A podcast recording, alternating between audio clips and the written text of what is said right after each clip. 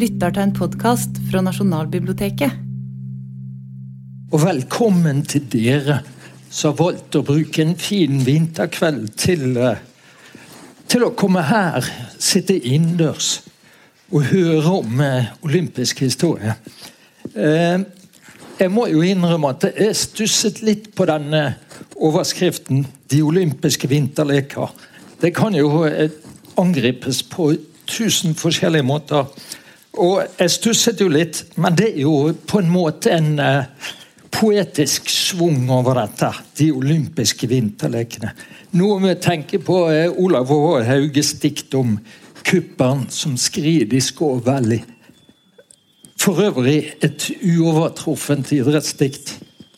Mens andre kanskje har begynt å føle på, eller frykte for, en viss metthetsfølelse med vinter-OL langt borte, men likevel til stede omtrent 24 timer i døgnet på en uendeløs rekke av TV-kanaler. Og med ikke minst en endeløs rekke av eksperter. Men det vi også får se, er jo fantastiske idrettsprestasjoner. Og jeg må bare sette meg ned. Sånn går det når dere inviterer en foredragsholder fra Norges idrettshøgskole. Der eh, lærer vi jo folk at 'sitting is the new smoking'. Men jeg tar sjansen. Kvart på fire i dag så forandret jeg første bilde i denne presentasjonen. Da skjedde det virkelig noe historisk. Altså eh, Maren Lundby tok OL-gull i skihopp. Og Hvorfor er dette så historisk? Det tror jeg de fleste av dere er interesserte er enig med meg i at spesielt at det var en norsk jente i eh, grenen skihopping, gjorde jo dette historisk. Fordi For det første så har jentene kjempet lenge for å komme inn på det olympiske programmet. Ikke før de forrige olympiske lekene i Sotsji 2014 så ble skihopp en anerkjent og ordinær gren for kvinner, som det heter. Så dette er andre gang det arrangeres. Og for det andre, vi, vi må innrømme, vi må erkjenne at Norge ikke akkurat har vært foregangsnasjonen når det gjelder å få i stand hopp for kvinner. Sånn at av disse doble grunnene så blir dette ekstra gledelig og ekstra historisk. Så Derfor var det ingen tvil om at vi måtte starte, starte med et sånt bilde som dette. Det viser jo at de olympiske vinterlekene er noe mer enn bare dette jeg har nevnt. Altså rå makt, kamp, politikk, økonomi, kommersialisering. Sånne ting er det også. Men det er også fantastiske prestasjoner og store øyeblikk. Eh, da skal jeg gå tilbake igjen til invitasjonen en liten stund. Eh, arrangørene nevner her at kunstløp kom med på det olympiske programmet lenge før eh, vinterlekene ble en realitet. Og det, det stemmer jo. De, de, stiller også i, i programmet, i invitasjonen til dette møtet, en del spørsmål som, ikke, som er litt ubehagelig vanskelig å svare på, rett og slett. Uh, de spør hvem som sto bak. Uh, det er et sånt spørsmål som det bør være mulig i hvert fall å nærme seg et svar på. Derimot er de neste spørsmålene ganske krevende. Hva har de hatt å si for vinteridretten enn si for samfunnet? Hvem kan svare på det? Det, det, jeg skal prøve på her, det er å komme inn på noe av dette, touche inn på noe av dette. Gruble over en del utviklingstrekk, de såkalte lange linjene. Og eh, også se på noen eh, fremtidsutsikter. Samtidig som, eh, som vi kommer inn på andre, kanskje mer kuriosa og andre ting når det gjelder vinter-OL. Så Tilbake til utgangspunktet. Vinter-OL. Hva er fortellingen om vinter-OL? Den er i hvert fall forskjellig om man ser eh, fenomenet fra Norge, eller om man ser det fra andre steder i verden. Land uten eh, Norges store vinteridrettstradisjoner. I Norge vet vi jo at eh, vinter-OL er stort. Det er faktisk det største. Norge er faktisk ett av tre land, der er bare tre land i hele verden, der vinter-OL er større enn sommer-OL. Eh, som jo er de egentlige olympiske lekene. Det var det hun begynte med, og det er det de fleste, alle, de fleste andre land regner som de olympiske lekene. Eh, det kan dere jo gruble litt på. Hvilke to andre land det er som, eh, som regner vinter-OL som større enn sommer-OL? Hvis vi regner antall medaljer. Det er det jeg snakker om nå. Jeg skal komme tilbake igjen til det. Eh, det man kan se av såkalt økonomisk impact eller TV-seertall eller andre mål på interesse, det er at vinter-OL havner et stykke ned på, på listen. Eh, det er litt avhengig av hvordan en regner. Om en regner økonomisk omsetning, TV-avtaler, eh, TV-tilskuertall eller andre, andre måter å regne på. En liste jeg så på for noen år siden, der var vinter-OL helt nede på 16.-plass. Altså det var en amerikansk liste som har sånne ting som Superbowl og, og rugby, baseball, andre ting langt over eh, vinter-OL. Men eh, vi må nok innrømme at eh, det kommer litt ned på listen. Eh, hvis vi ser på dette internasjonalt og globalt. Så kan jeg lure på om i hvert fall akkurat i disse tider, om det er på vei opp. Vi kan i hvert fall få inntrykk av at det er en økende interesse. Kanskje det er de politiske omstendighetene i Korea som gjør at, at det er en viss ekstra interesse for det nå. For jeg skal bare nevne ett eksempel på det at vinter-OL ikke alle steder er det største i verden.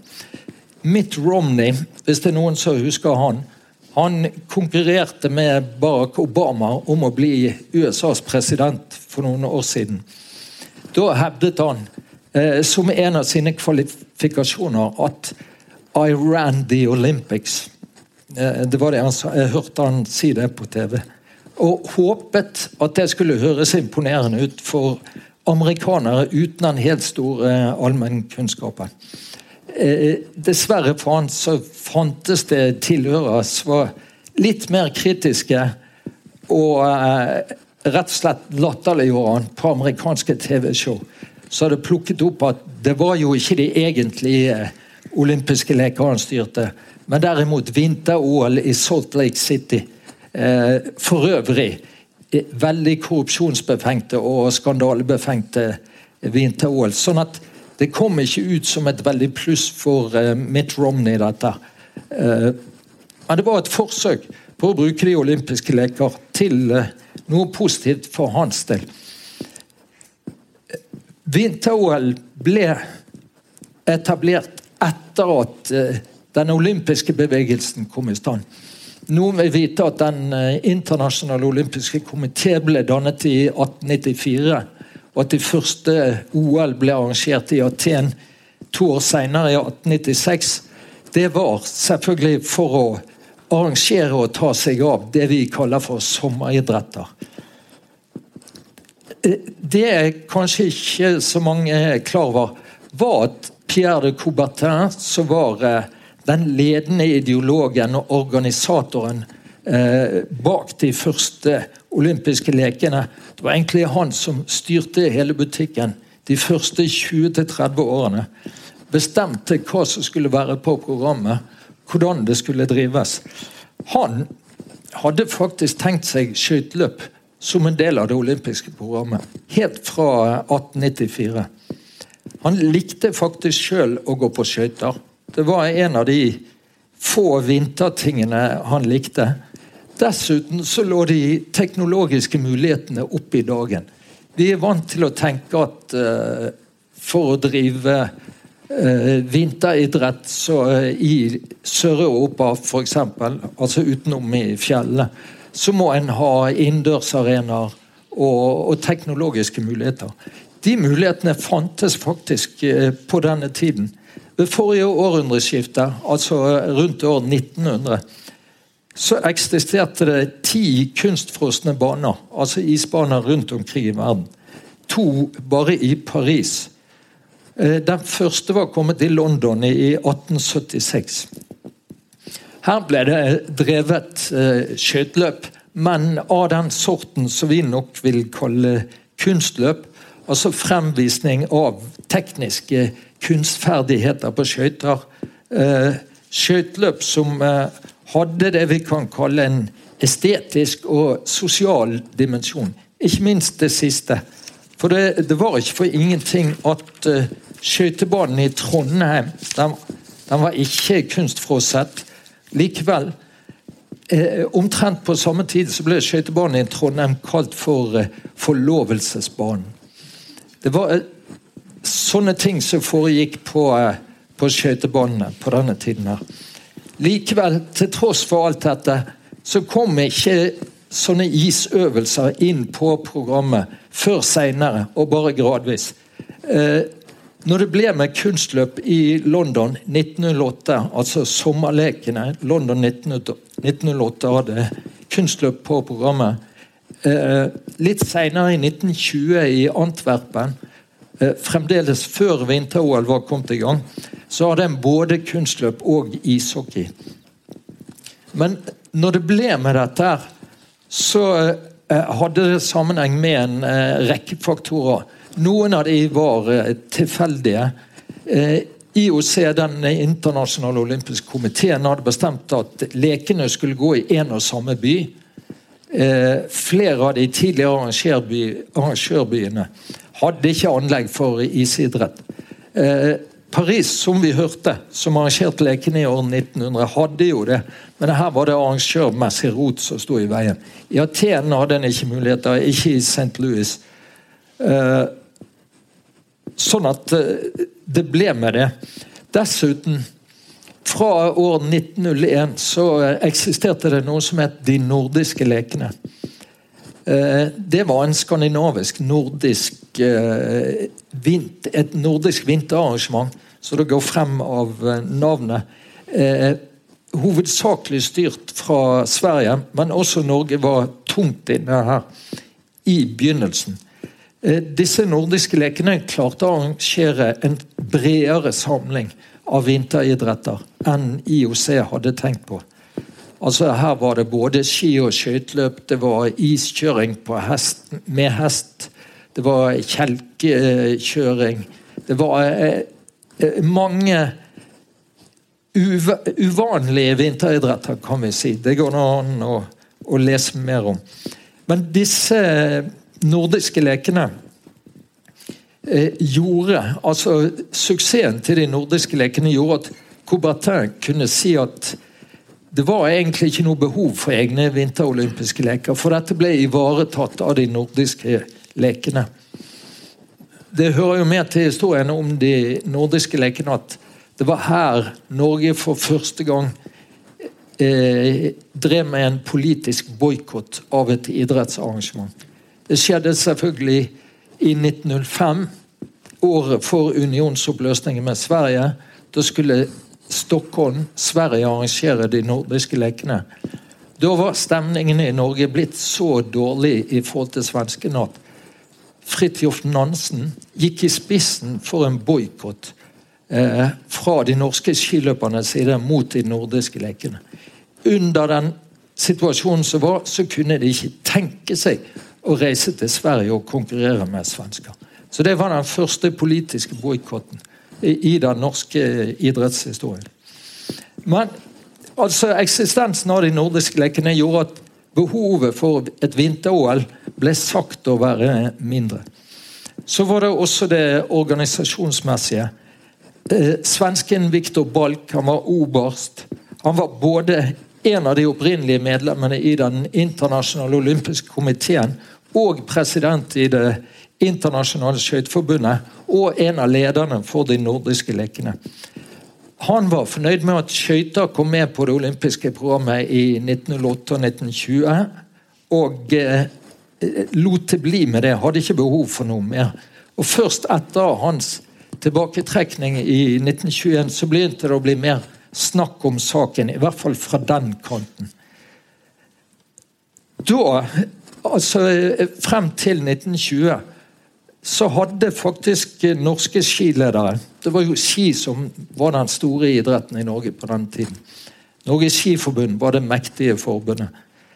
De hadde ved en rekke anledninger begynt å leke med tanken om det var, skulle være mulig å ha egne vinterolympiske leker. I hvert fall ha et skiprogram knyttet til de olympiske lekene. Det stemmer altså ikke at Norge alltid har vært imot alt som er nytt. Eh, det fantes skiledere og tanker om at muligens skal vi prøve, prøve på dette. Eh, og eh, dette hadde jo et visst gjennomslag internasjonalt. Det var meningen at det skulle være olympiske leker i 1916. De var tildelt Berlin også den gangen. Eh, arrangørene, De tyske arrangørene hadde faktisk begynt å planlegge for eh, skiøvelser i eh, Feltberg i Schwarzwald i Tyskland. Men som vi vet, første verdenskrig brøt ut. Eh, disse lekene ble det ikke noe av. Eh, og dermed heller ikke noen skiøvelser i, i, forhold til OL. Men det, det, viser altså at sånne tanker fantes og begynte å få et visst eh, Om ikke gjennomslag, så ble det ikke avfeid som helt umulig. Men så inntreffer det et nytt kompliserende moment, og det er jo at Norges Skiforbund fra 1921 får et nytt styre, et meget konservativt styre. Og det er egentlig nå den norske historien, den virkelige historien om den norske motstanden mot alt som er nytt eh, innenfor skiidretten, begynner. Da begynte Norges Skiforbund å vedta at de var imot eh, all tenking, alle tanker om eh, at OL skulle innebære skiidrett. Det var, eh, det var imot den norske tenkingen om skiidrett. Og hva kunne det være for noe? Det en bl.a. var redd for, det var at mellomeuropeerne og også amerikanerne, hvis de kom inn i bildet, ikke ville forstå det spesielle med den norske skiidretten. Og det, det, spesielle med den norske skiidretten var jo at den skulle være allsidig. En skulle beherske alle former for utfordringer i det naturlige skiterrenget. Derfor var jo kombinert den norske paradegrenen. En god skiløper skulle beherske både å gå langrenn og hoppe. Og når han hoppet, så skulle han gjøre det med stil, med kontroll i svevet, med et behersket, kontrollert nedslag. Eh, sånne ting var viktig for den norske måten å tenke ski på. Det en fryktet, det var at eh, utlendingene, som det ble kalt, skulle sette rekordtenkingen i høysetet. Det var om å gjøre for de å hoppe lengst mulig ned en bakke og sette verdensrekord. Det, det var den store skrekken for de norske skilederne. Og hvis en overlot skiidretten til mellomeuropeerne i en olympisk sammenheng, så var en redd for at det var det en, det en ville få. Eh, spilte nok også en viss rolle at eh, dette kunne være, bli konkurrenter til Holmenkollrennene, som jo var det store internasjonale arrangementet. Eh, og en sånn konkurranse var heller ikke velkommen. Eh, sånn at her, fra 1921 til 1927, hadde altså Norge et veldig konservativt styre. Jeg tror det er trygt å si. Et styre som stemte imot tanken på eh, vinterolympiske leker. I eh, 1924 så kom det jo i stand noe som i ettertid ble regnet som de første vinterolympiske lekene. Det var egentlig noe Norges Skiforbund var imot. Men jeg sendte likevel en tropp ned til Chamonix i 1924. Og det var med den uttrykkelige forutsetningen fra Norges Skiforbunds side at dette ikke skulle være vinterolympiske leker. Derimot skulle være det det ble kalt en vintersportsuke. Det kunne en være med på. Vinter-OL kunne en ikke være med på. Og den holdningen holdt seg også frem til de norske, neste lekene i 1928. Eh, da skulle de gå i St. Moritz. Da hadde Norges Skiforbund deltakelse i OL oppe på eh, generalforsamlingen i slutten av 1927. Eh, da var det med én stemmes overvekt at eh, Norge vedtok at de allikevel, tross alt, skulle de være med i 1928. Hvis det hadde vært én stemme mer mot, så ville eh, Norge blitt hjemme. For da hadde formanns dobbeltstemme uh, vippet flertallet over andre veien. Så det, det var ganske close, som det heter i våre dager, at eh, Norge ikke ble med i 1928. 1924 var vi med ved en misforståelse. Det var det jo ikke så mange som angret på eh, etterpå. For eh, Norge gjorde det jo veldig godt i disse lekene. Etter, etter at vi først var til stede og begynte å vinne medaljer, så var avisoverskriftene 'Vi viste verden vinterveien'. Det er det derfra denne kjente overskriften stammer. Og eh, siden det så eh, har jo de fleste tenkt at eh, vinter-OL må jo være designet for et land som Norge. Som jeg sa i sted, Norge er et av meget få land som har gjort det bedre i vinter-OL enn i sommer-OL. Til tross for at det er mange flere medaljer å vinne i et sommer-OL enn et vinter-OL, så har vi hentet flere i et uh, vinter-OL. Uh, så Og de øvrige landene er det, er det noen som kan tenke seg hva det er? Ikke Finland. Nei. Nei. Nei, dere er ennå ikke inne på det. Nei. Nei. Nei. Hva hørte jeg? Østerrike var noen sa. Det er riktig. Og så er det et lite land til. Liechtenstein, ja. Der har du de tre. Det er nesten EØS-landene. Nesten. Eh, sånn at eh, Altså, her, her, vi, her, har vi fått et arrangement som passer veldig godt for Norge. Og eh, etter hvert eh, har vi jo skjønt at det er kanskje her vi hører hjemme, først og fremst. Men vinter-OL har vært igjennom en del eh, turbulente tider før vi kommer frem til eh, at Norge begynte å arrangere dette. Og vi må innom 1930-årene. 1936-OL var tildelt Tyskland. Både sommer og vinter, som det går frem av IOCs statutter. Sommer-OL i Berlin er jo berømt og beryktet. Det, er jo det som er blitt kalt for nazi-OL. Med Hitler på tribunen osv.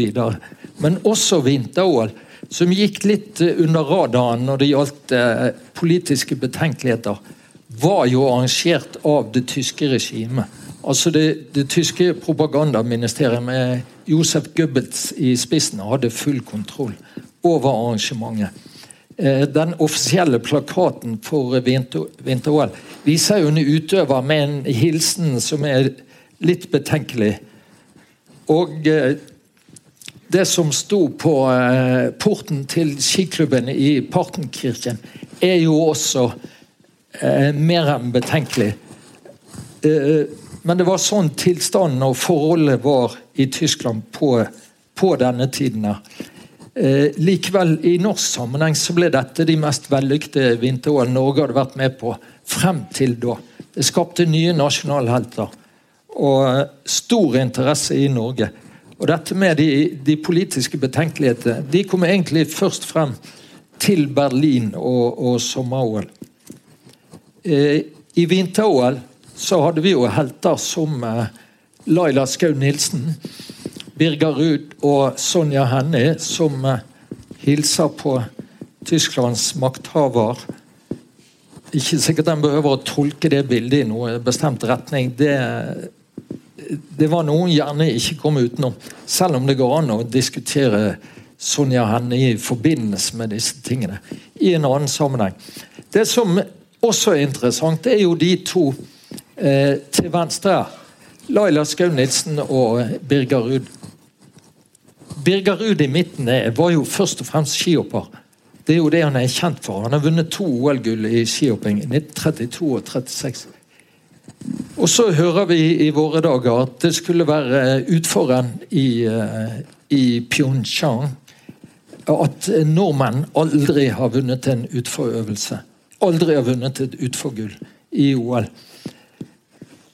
Det er på en måte riktig, på en måte feil. For disse to her vant hver sitt olympiske utforen i 1936. Det var bare det at utfor på denne tiden ikke telte som egen øvelse. Det var bare en del av den alpine kombinasjonen. Og begge to var dårligere å svinge enn å kjøre rett ned. Så dermed havnet de Altså Laila Skau Nilsen fikk en bronsemedalje eh, sammenlagt i kombinasjon. Mens Birger Ruud havnet utenfor eh, medaljepallen. Eh, men de vant eh, hver sitt utforrenn. Det skal de ha. Laila Skaud-Nilsen er jo for øvrig en interessant, fascinerende figur. Veldig allsidig, god i veldig mange idretter. Det sies at hun meldte seg på, som det ble sagt, i skiøvelsene i Garmisch-Partenkirchen fordi det ikke fantes skøyteøvelser for damer. For det var der hun var aller best, å gå på skøyter. Hun var også god å gå langrenn, men kvinner fikk kun lov å stå nedover på ski på denne tiden. Med yndige, grasiøse, feminine bevegelser. Det var det som var ski for kvinner på den tiden. Og hun var et sånt talent at hun altså gjorde det godt også der. Sonja Hennie eh, kronet jo sin kunstløpskarriere i Garmisch-Partenkirchen med sitt tredje OL-gull. Det, det, er jo uovertruffet. Ingen andre som har, som har, gjort det. Reiste derfra til Hollywood for en stor eh, filmkarriere. Men dette var, eh, som vi ser av bildet til høyre, politiske tider. Det var eh, eh vanskelige tider det var eh, skumle tider. Nazistene hadde makten i Tyskland. Eh, motsetninger, Politiske motsetninger bygget seg opp. Den olympiske bevegelsen var i problemer. En hadde arrangert OL i Tyskland 36. De neste OL var meningen skulle gå i Japan. Japan hadde blitt tildelt lekene både sommer- og vinter-OL. 1938 så måtte Japan frasi seg lekene fordi en hadde begynt å krige med Kina. Den japansk-kinesiske krig startet i 38, og Japan fant ut at det ble for mye. Frasa seg lekene. IOC måtte da se seg om etter eh, nye arrangører. Da ga en sommerlekene til Finland. Helsingfors skulle arrangere sommerlekene. Hva skjedde da? Eh, sovjetiske angrep på Finland, den finske vinterkrigen. Også Finland måtte si fra seg sommerlekene. Det en derimot hadde gjort med vinterlekene, det var å gi dem til samme arrangør igjen. Garmisch-Partenkirchen. Eh, de var de eneste, mente en, som på så kort varsel eh, både hadde eh, fasilitetene i stand, arrangementskomité, hadde erfaring fra et så stort arrangement. Så en hadde ingen betenkeligheter med å gi vinter-OL til Garmisch. Det ble forberedt. Det ble til og med laget en plakat for de kommende vinter-OL i Garmisch. Og Dette er jo en plakat som IOC i dag ikke er veldig glad for. Den eh, kombinerer jo to veldig sterke symboler fra hver sin side. Altså de olympiske ringene som IOC eh, understreker skal skape vennskap og fred i verden. Forbrødring mellom folkene det er det som er det olympiske symbolet. Og hakekorsflagget, som vi vet eh, har en eh, helt annen eh, Vekker helt andre assosiasjoner. De to sammen på én plakat er jo ganske sterkt. Og som jeg sa, noe IOC ikke er glad for. Denne plakaten ligger ikke ute blant de offisielle OL-plakatene eh, på IOC-sidene. Eh, jeg fant denne plakaten i et arkiv i California i USA, av alle steder. Der eh, den kjente idrettslederen Avery Brundage hadde avlevert sitt privatarkiv. Nedi der lå denne plakaten. Så eh, Det illustrerer jo litt av situasjonen til både den olympiske bevegelsen og også den den internasjonale idretten mot slutten av 1930-årene og frem til 1940. Tyskland mente de skulle klare å arrangere disse lekene. Også etter at de hadde satt i gang andre verdenskrig med angrepet på Polen 1.9.1939. Det gikk først til, 19, til november 1939 at uh, tyskerne innså at uh, det ikke gikk å arrangere olympiske leker samtidig som en kriget med mesteparten av Europa og verden. Og en, en ga beskjed om at uh, dette ikke gikk lenger. Denne plakaten illustrerer en veldig tett uh, samkvem mellom den olympiske bevegelsen og, og, idretten.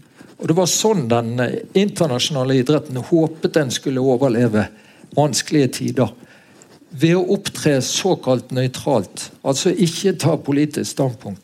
Og På denne tiden betydde det å opptre nøytralt og ikke ta avstand fra noe som helst. Ikke ta avstand fra nazismen, heller ikke ta avstand fra andre ting. Prøve å leve i sameksistens med alle mulige slags politiske retninger. Da trodde og håpet en en skulle komme ut av de vanskelige tidene i god behold. Det viste seg selvfølgelig å være temmelig naivt å, å tro på noe sånt. Eh, en ble mer og mer altså Den tyske olympiske eh, eh, organisasjonen ble mer og mer tilkoblet det tyske naziregimet. Hele den tyske idretten var en del av naziregimet. Sånn at dette å ikke blande idrett og politikk kan høres bra ut, men når den politiske situasjonen blir så tilspisset som man ble i dette tilfellet, så var det rett og slett umulig.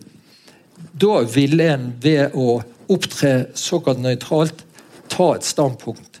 Nemlig ved ikke å ta avstand fra den, den verste siden i konflikten.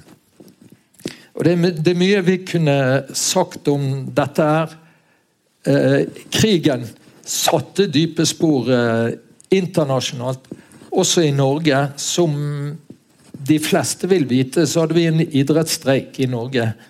Eh, det internasjonale skiforbundet eh, hadde jo opprinnelig en president fra Norge, Nicolai Ramm Østgaard. Han var også kronprinsens adjutant. Dermed flyktet han sammen med kronprins Olav til London, til England i juni 1940. Det betydde at presidenten i Det internasjonale skiforbundet oppholdt seg i England mesteparten av krigen. Visepresidenten i Det internasjonale skiforbundet, Carl Gustav Hamilton, var svensk. Altså såkalt nøytral.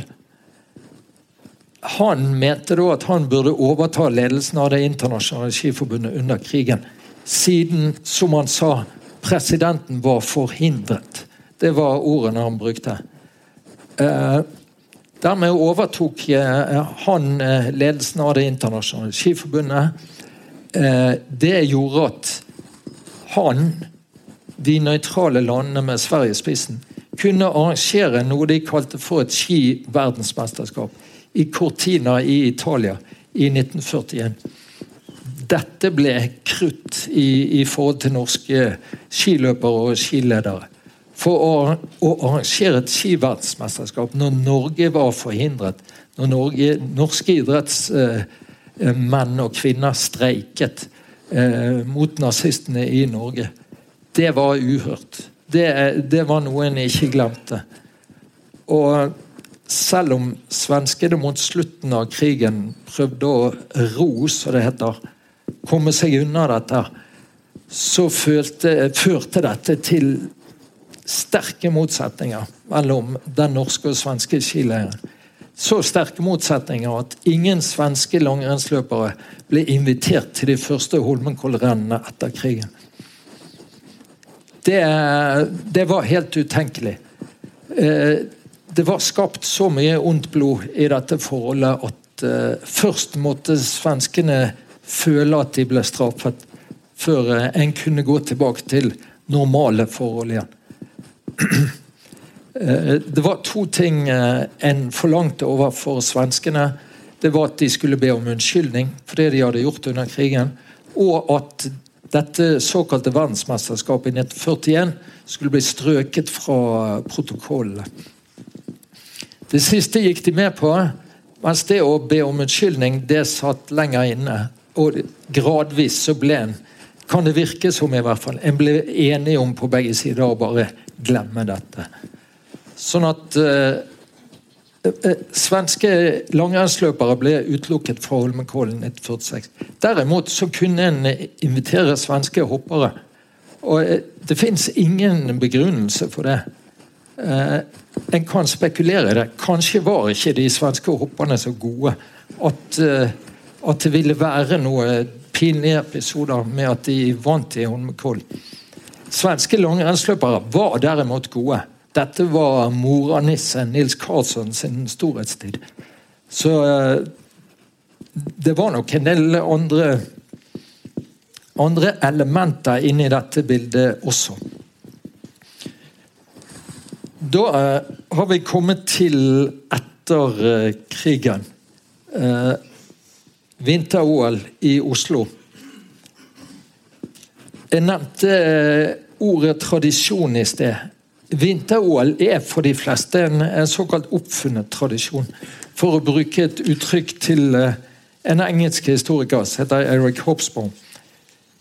Uh, så kan jeg spørre hva er et vinter-OL? Hva er et egentlig vinter-OL?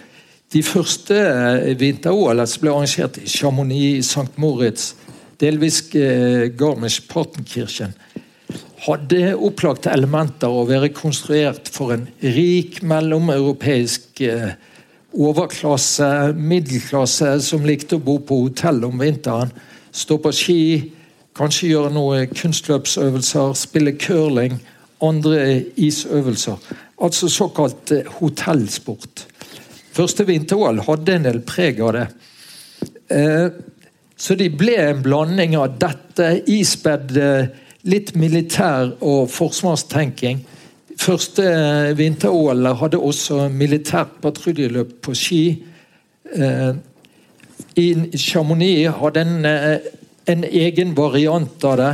Det ble tatt opp igjen litt seinere. Det var da den norske lederen, offiseren Ole Reistad, utbrøt det han skulle bli kjent for å ha sagt seinere når de sto på toppen av en bakke, hadde en del kilometer igjen, hadde en lang eh, fjellside de skulle ned, og så han 'samling i bånn'. Og da var det fri kjøring ned til eh, bunnen av dalen. Det viste seg å være en vellykket strategi, for Norge, Norge vant den øvelsen. Eh, altså OL i Norge.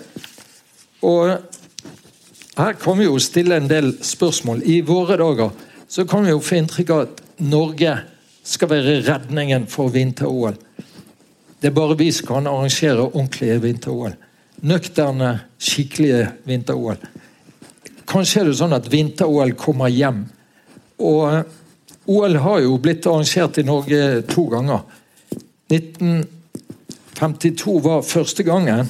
og de eh, viser jo, de illustrerer en del av de norske tankene rundt eh, hva et vinter-OL skal være.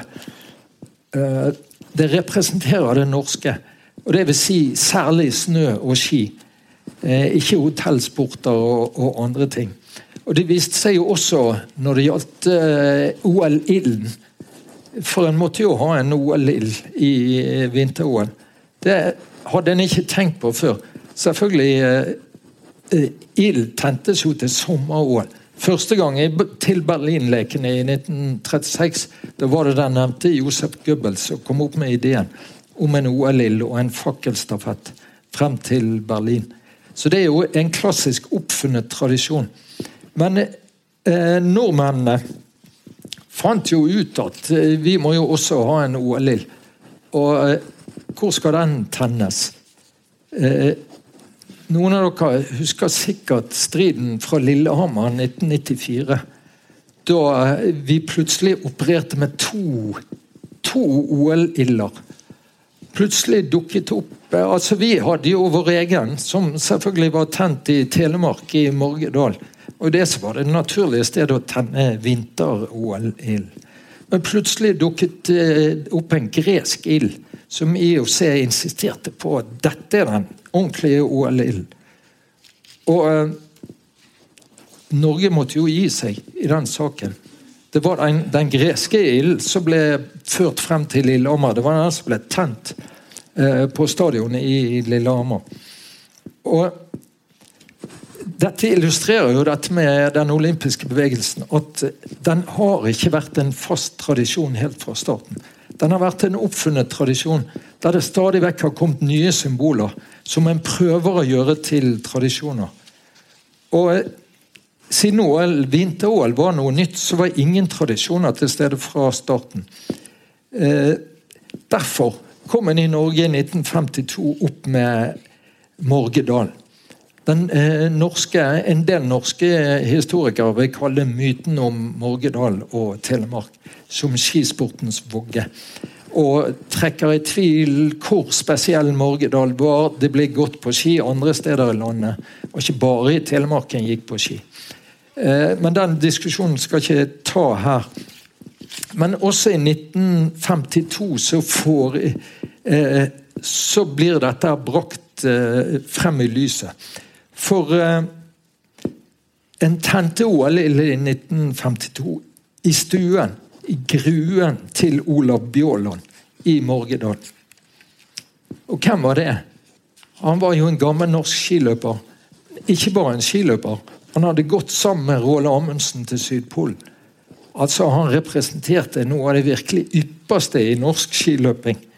Eh, han, han både var fra Morgedal og hadde vært med på den norske erobringen av Sydpolen med ski på beina. Mer norsk enn det går det jo ikke an å bli. Og når en slår sammen alt dette i én seremoni, så må det jo bli helt perfekt for et, eh, et norsk eh, et norsk vinter-OL. Eh, Seinere vinter-OL-iller har jo strevd med dette var, Fra IOs sin side så var en veldig tydelig på at OL-ild skulle tennes i Hellas. Men en hadde altså ikke noen tradisjoner for vinter-OL-ild. Og eh, når Norge begynte med dette i 52, så måtte en si ok, da, for denne gang. Men heretter skal også vinter-OL-ild tennes i Hellas. Og det, det ble gjort eh, foran lekene i Cortina 1956. Og tendensen fra den gangen har vært at den OL-ilden har blitt helligere og helligere for hver gang. Den skal ikke røres av noen annet. Selv om det uheldige inntraff at eh, under eh, stafetten i 1956 i Cortina, så var en så uheldig å klare å slukke OL-ild og måtte tenne den på nytt med en lighter. Da, det var det ingen som snakket om. for det det var et nødstilfelle. Eh, jeg var også litt uheldig foran eh, lekene i Skaw Valley eh, i 1960. Da hadde arrangørene vært så uheldige at de, de, hadde glemt å bestille den offisielle ilden fra Hellas. Så det var ikke satt i gang noe tenningsprosedyre. Det skal jo gjøres på en skikkelig måte med med prestinner og eh, voldsomme prosedyrer. Og de hadde ikke oppdaget dette før det var for seint. Og derfor måtte en ty til nødløsningen igjen. Og hva var nødløsningen? Det var å ty til Norge og Morgedal. Sånn at OL-ilden for Skå Valley ble tent i Morgedal, ble flydd over Atlanteren til California og Skå Valley. Eh, dette er bare 58 år siden. I dag ville jo dette vært en skandale, men eh, det gikk den gangen. Og det sier noe om eh, hvor langt utviklingen har gått. Det amerikanerne brukte som en formildende omstendighet, det var jo at Sondre Nore, altså der ild Stuen hans der ild ble tent, faktisk hadde bodd i Amerika en periode. Han hadde utvandret til USA og bodde. Skår Valley var en typisk annerledes sett fra norsk side annerledes arrangørby av eh, OL. Det var et lite, det var ikke engang en sånn resortsted med hoteller. Det var et lite, uutviklet område som en del amerikanske forretningsinteresser hadde fått en idé om at dette stedet kan vi utvikle til å bli et vintersportssted. Det fantes omtrent ingenting der før eh, OL ble arrangert. Eh, etterpå så er det blitt et type sånn skiresort. Et av de dyreste stedene å reise til i California. Denne skøytebanen til eh, der kuppelen skrider i Scaw Valley. Eh, den er i dag en parkeringsplass utenfor eh, hotellet der. Håkon Brusveen vant jo et eh, legendarisk OL-gull på 15 km.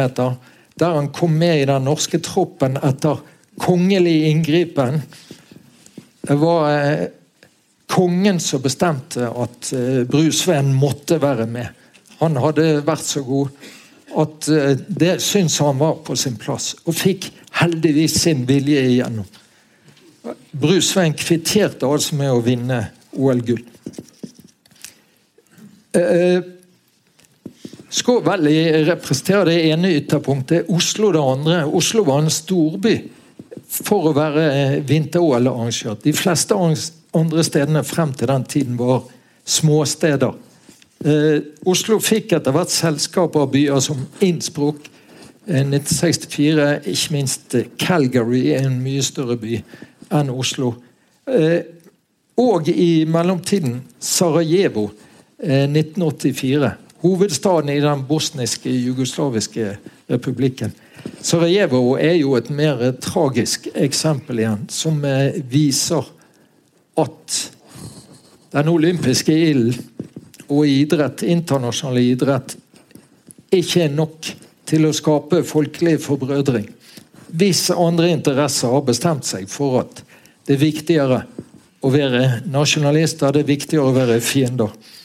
Eh, selv om dette altså det, dette er et interessant arrangement, fordi det, det, foregikk i den byen så var den mest jugoslaviske byen av alle. På den måten at den var etnisk blandet, eh, multikulturell. Her bodde det alle slags folkegrupper som utgjorde Jugoslavia. Og De jugoslaviske myndighetene har veldig vekt på at nå ble arrangementet holdt i selve Jugoslavia. Eh, de hadde ingen sånne nasjonalistiske eh, folkloreelementer med i feiringen av Sarajevo. Det var offisielle jugoslaviske symboler som ble brukt. Men eh, som vi vet, så hjalp ikke det. og da er vi fremme ved Lillehammer. Dette er jo i nordmenns øyne sånn som OL vinter-OL egentlig skal være. Folkefest, masse norske flagg, snø og eh, i det hele tatt Det en kan lure på bare de siste par minuttene jeg har her, det er jo hva er utfordringen her? Og det, det viste seg jo eh, når det kom til forslaget om Oslo i 2022, at begeistringen hadde sine grenser i Norge. Eh, eh, begeistring for å arrangere et nytt eh, vinter-OL.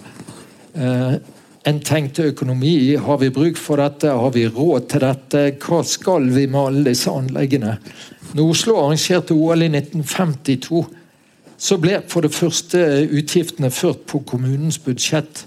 Lederen for anleggskomiteen, Rolf Hofmo, kjent idrettsleder, også på den Arbeiderpartisiden i politikken, varaordfører i Oslo. Egentlig motstander av det han kalte for stjerneidrett.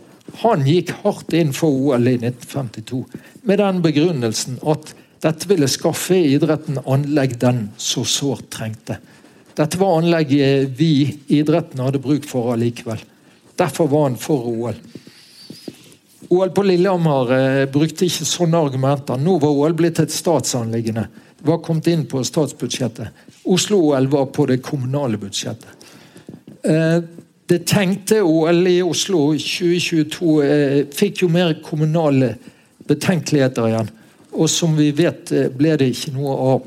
Og en kan jo lure på Hvis ikke verdens såkalt rikeste land har råd til å arrangere OL, hvem skal da arrangere OL? Da må en gjøre noe med rammene for det hele og tenke seg om en gang til. Og det er her eh, utfordringen nummer to kommer inn i bildet klima. Altså I året har vi jo her i trakten en fantastisk vinter.